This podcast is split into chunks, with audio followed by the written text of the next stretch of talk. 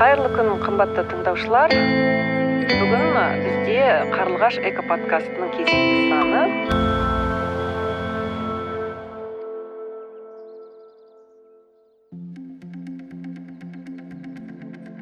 баршаңызға сәлем. Қарлығаш эко подкастының кезекті эпизоды өзгеше болмақ. Бүгін бізде қонақта ә, үйдегі аналар немесе экоблогерлер емес бізде сду дың ә, журналистика мектебінің ассистент оқытушысы ә, оразай қыдырбаев ол бізге экология туралы адам құқығы жалпы контент туралы экологиялық айтатын болады. Қош келдіңіз. Қош келдік. Ә, айтыңызшы сіздің түсінігіңізде экология деген не экология дегеніміз ә, менің ойымша ол қоршаған орта. Адамның сол қоршаған ортамен қарым қатынасы және тазалық. Мхм. Ал экосауат деген не ол қандай болады ол? Экосауатты адам деген. Менің ойымша экосауатты адам деген ол қоршаған ортамен тіл табыса білетін яғни қоршаған ортаға залалын тигізбейтін немесе барынша аз тигізетін және ә, өзінің алған білімін тәжірибесін қоршаған ортаны қорғауға соны сақтауға аялап ұстауға қолданатын адам. Мхм ал экология мен адам құқығын қалай байланыстырамыз? Сол жайлы айтсаңыз сіз өзіңіз оқытушысыз журналистсіз бүкіл жазып жүресіз экология туралы сол туралы айтып беріңізші. Негізінен көп достарым ол экология тақырыбын жаңағы қоршаған ортаның тазалығы біздің денсаулығымыз деген секілді сондай тұрғыдан қарастырады. Ал мен оны тікелей адам құқығы ретінде қарастырамын. Себебі біз ә, бұл жерде біріншіден әлеуметтік теңсіздік мәселесі бар екіншіден адам кісінің ақысы деген нәрсе бар.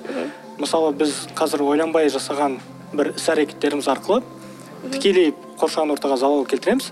Және ол залалдың зардабын біздің болашақ ұрпақтарымыз немесе планетаның басқа бір аумағында өмір сүріп жатқан адамдар тартады.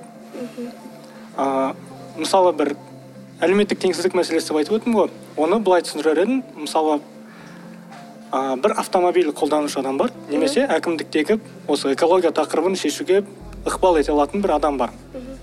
Бірақ ол адамдар қоршаған ортаға немқұрайлы қарайды. Өздерінің құзыреттіліктерін дұрыс пайдаланбайды. Соның нәтижесінде қоршаған ортаға парник газдар бөлінеді немесе көшеде автомобиль шулары пайда болады. Ал оның зардабын ең алдымен қарапайым қаланың тұрғындары әлеуметтік жағдайы төмен азаматтар мектеп оқушылары ә, аялдамадағы жүкті әйелдер немесе барахолка немесе алтын орда секілді базарлардың төңірегінде тұратын ә, басқа қаладан келген мигранттар сондайлар тартады. Ал осы экология тақырыбында жазылатын материалдар яғни контент туралы айтсаңыз. Не себепті аз немесе неге жазылмайды деген сияқты. Бір социологтың айтқан сөзі бар еді. Ол социологтың есімін қазір есіме түсіре алмай отырмын.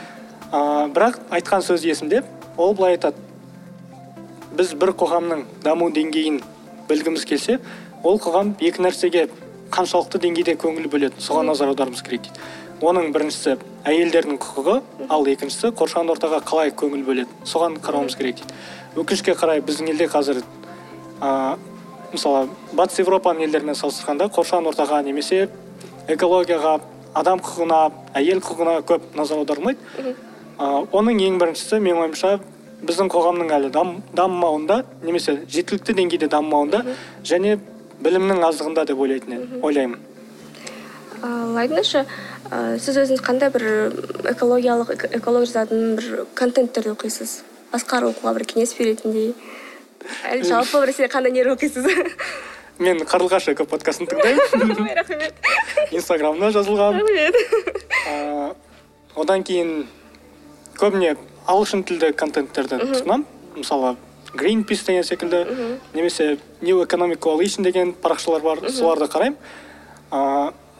Айтпақшы негізі экология мен ол капитализмнің арасында да бір байланыс бар. Иә қалай сонда ол негізі қазіргі біздің экономикалық жүйеміз ол жалпы ішкі өнімнің көбеюіне назар аударады. Бір мемлекеттің мысалы даму деңгейін экономикалық дамуын біз жалпы ішкі өніммен есептейміз.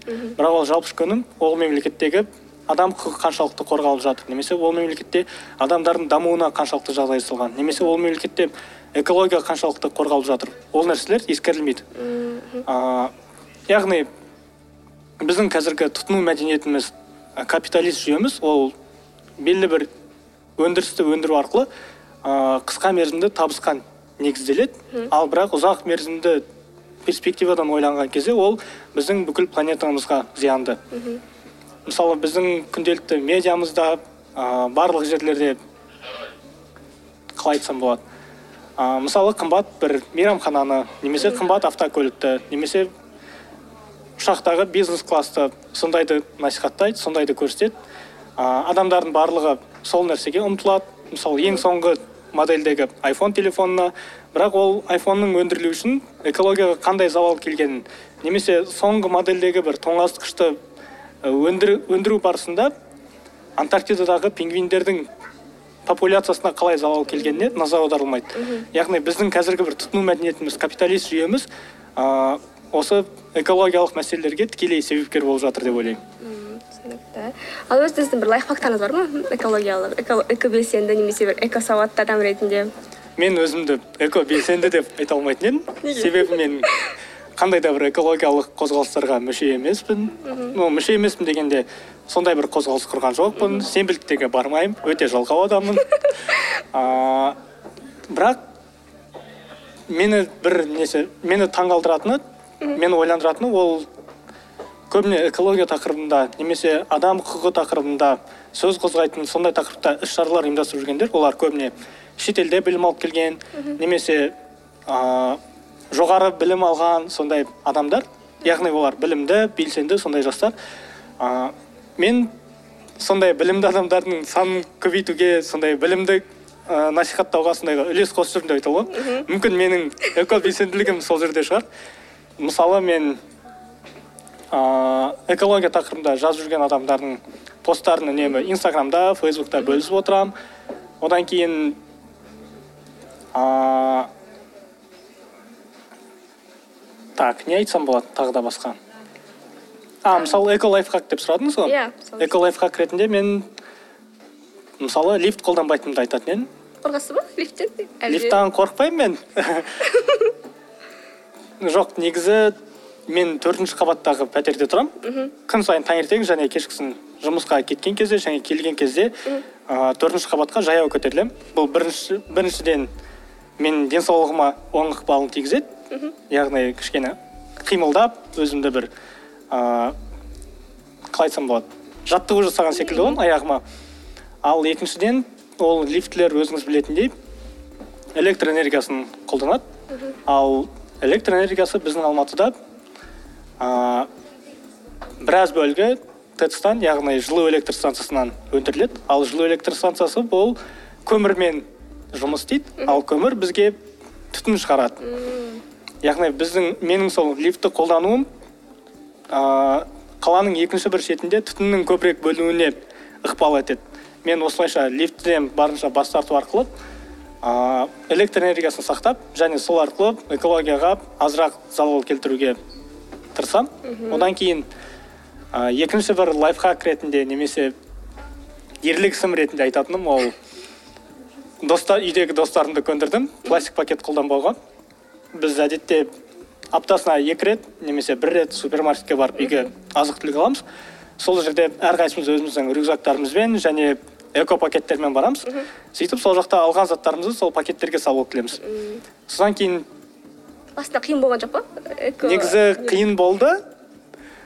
Рюкзакты көтеріп жүру оны кассадан алып өту деген секілді. Ішінде ұрлайтын ештеңкеміз жоқ деп ашып көрсету біздің сондай қоғам андай не ғой бір қорқады. Иә адамдарға сенім өте аз. Иә сол тонап кетеді деп сөйтіп күдік- күдіктенеді.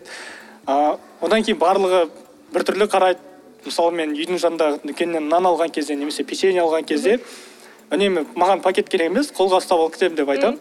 Және олар біртүрлі көреді да пакет керек емес па бұл ну қатты қымбат емес қой деген бес сияқты. теңге деп. Иә бес теңге немесе біздің үйдің жанындағы дүкенде мысалы тегін береді. А, жалпы сол?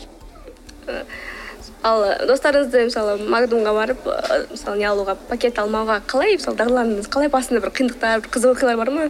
Алып кетіп дегендей.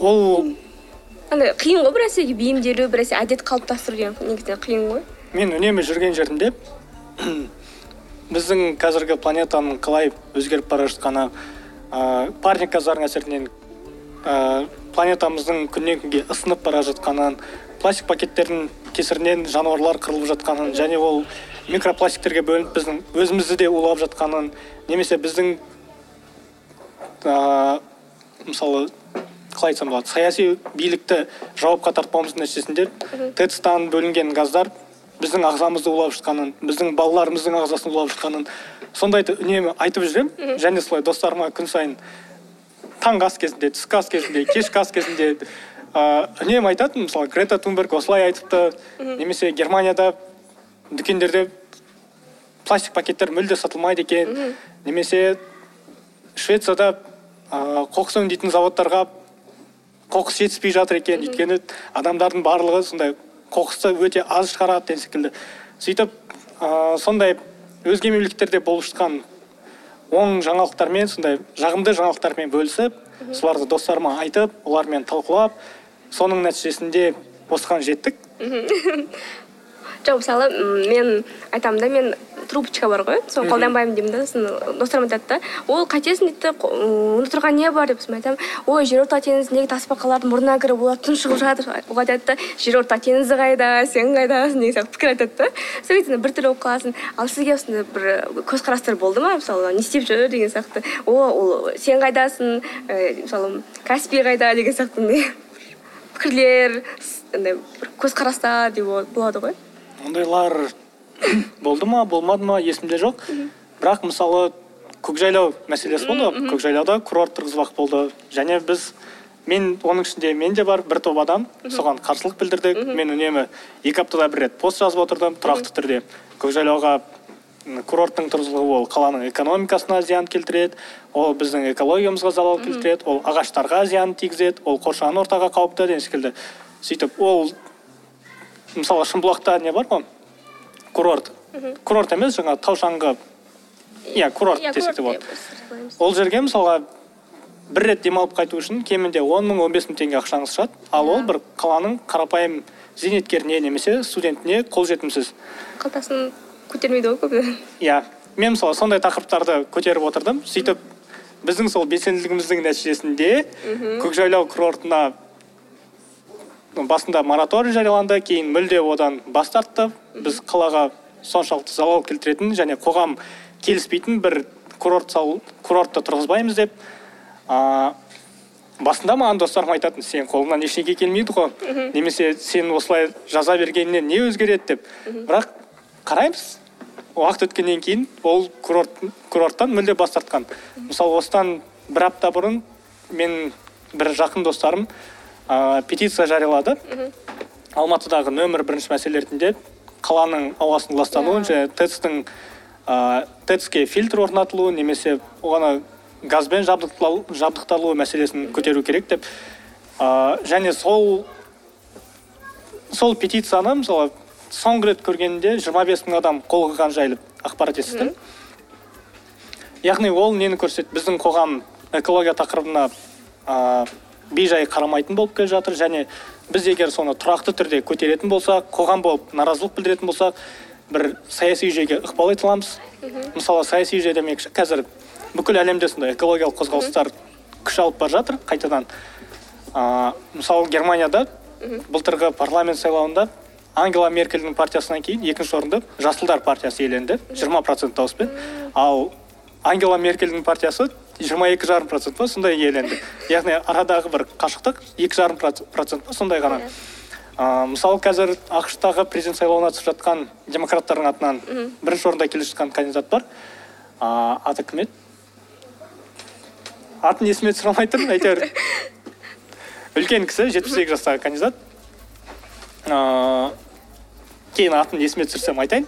Ол кісі де мысалы антикапиталист көзқарастарға ие. Одан кейін ол кісі экология тақырыптарына әлеуметтік теңсіздік тақырыптарына сондайларға көбірек назар аударады.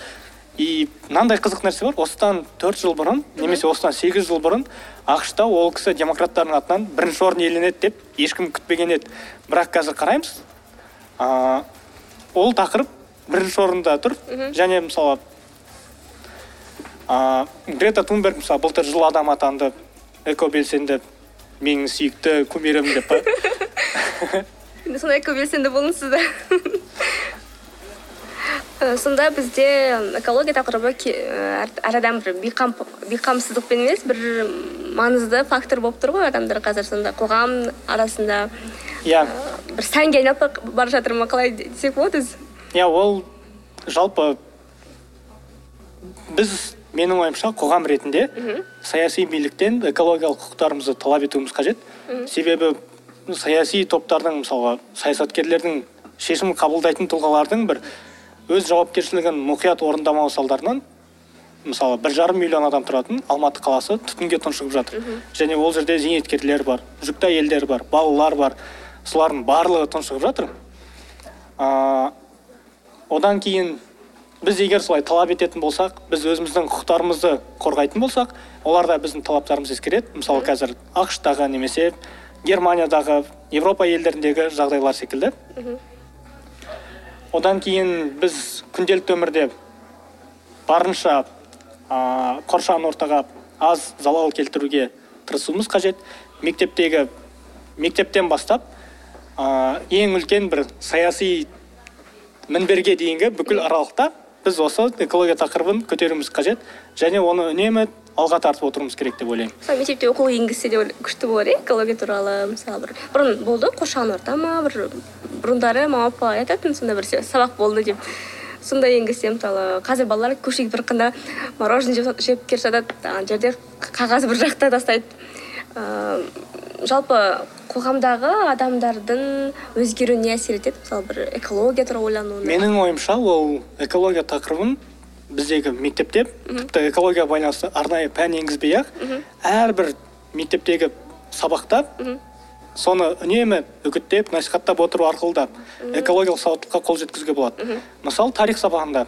Ыыы біздің орта ғасырлардағы ата бабаларымыздың тарихын түсіндірген кезде иә, иә. мысалы біздің көшпелі өмір салтымыз және оның қоршаған ортамен қандай тығыз байланыста болғаны немесе А, көлге қоныстанбайлықты деген сияқты көл лас бол- көл ластамау үшін деген сияқты сондай нәрсе иә мысалы ә, жайлауға қыстауға көшу бір жерді көп таптай бермеу немесе бір тал кессең он тал ек деген аталарымыздың сондай нелері үгіт насихаттары ә, яғни бір орта ғасырдағы қазақ қазақ халқының мәдениетін мәдени тарихын түсіндіру барысында біздің сол экологияға қалай назар аударғанымыз күнделікті тұрмыс салтымыз бен қоршаған орта арасындағы байланысты қалай ә, құра білгеніміз соны түсіндіруге болады деп ойлаймын.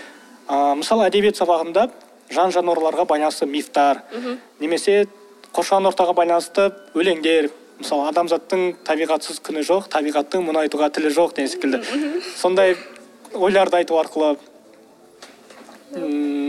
география сабағында немесе физика сабағында олардың да тікелей қоршаған ортамен байланысы бар ғой соларды үнемі алға тарту арқылы мысалы біздің озон қабатының қысқаруы не нәрсеге апарады немесе мұздықтардың еруі бізге нені неге жет, апаруы мүмкін оның салдары не болады. А, сондай нәрселерді түсіндіруіміз қажет деп ойлаймын. Сіз оған қоса университетте кураторсыз иә? Сіздің бір группаңызда сондай экология туралы бір өткізесіз ба айтасыз ба? Оларда мысалы ара, сіздің студенттер арасында сондай бір экология жаны ашитын бір экосауатты бір экобелсендігі ниетті студенттер бар ма? М, мен өзім өзімнің билігімді олай асыра асыра пайдалана алмаймын. Яғни студенттерге бола алмайсыз ба деген сияқты? А иә мен мысалға университетке барғанда үнемі өзімнің бір нем бар? Бөтелкем бар. Сол бөтелкеммен су ішемін Мгм. а, одан кейін барынша пластик пайдаланбауға тырысамын. Содан кейін сабақ барысында үнемі экология тақырыбын қозғап өтуге тырысамын. Жалпы сол.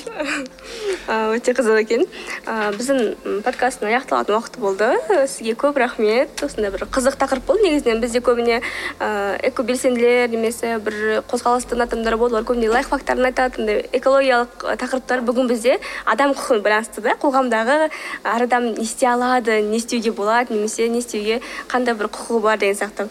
Ә, баршаңызға подкаст ұнайды деген ойдамын. Сау саламатта болыңыздар. тағы бір екі нәрсе толықтыра өтсем давай айтсаңыз болады иә мысалы мен экологияға залал келтірмеу үшін жергілікті фермерлердің өнімін пайдалануға тырысамын сонда қалай?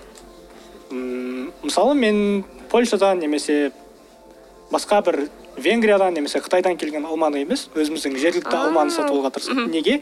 Өйткені ол жақтан келу барысында ол бір ұшақпен немесе транспорт құралымен тасымалданады.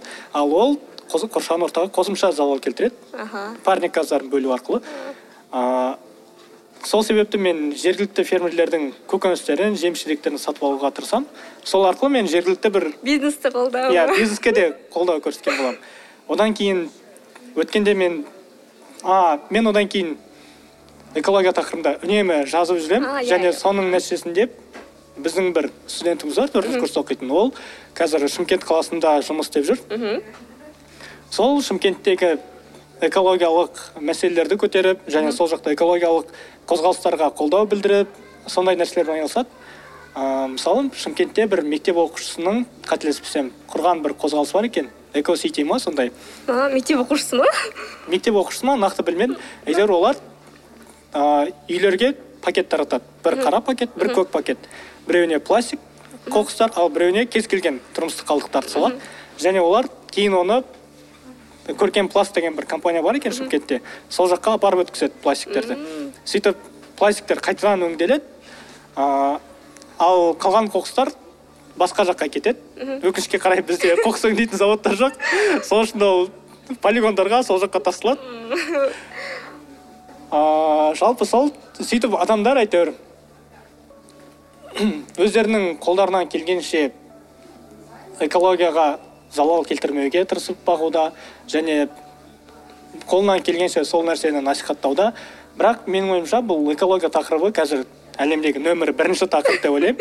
Және ол бір адамның ғана еңбегімен шешілмейді. Ол Иә. бүкіл қоғам болып жалпы саяси жүйе болып экономикалық жүйе болып соның бәрін өзгерту арқылы сөйтіп қана қол жеткіземіз. Бұл тек менің ғана немесе тек сіздің ғана проблемаңыз емес ол ортақ иә? иә біздің барлығымыздың ортақ проблемамыз. Және бұл проблема шешілмейтін болса барлығымызға залалы келеді. Иә. Ә, айтып болдыңыз а, Таня. иә жалпы айтып болған сияқтымын Ә, с- көп рахмет сізге. Ә, уақыт бөлгеніңізге. Осындай қажет құнды ақпараттармен бөліскеніңізге. Ә, өздері пайдалы болады деп ойлаймын және педагогтарға өте керемет лайфхак болып тұр иә идея болып тұр. Негізінен әр сабақта сол экологиямен байланыстырып экосауатты ұрпақты мектептен тәрбиелеу деген сияқты. Баршаңызға көптен көп рахмет. Келесі подкасттың эпизодына кездескенше. Сау болыңыздар. Сау болыңыз.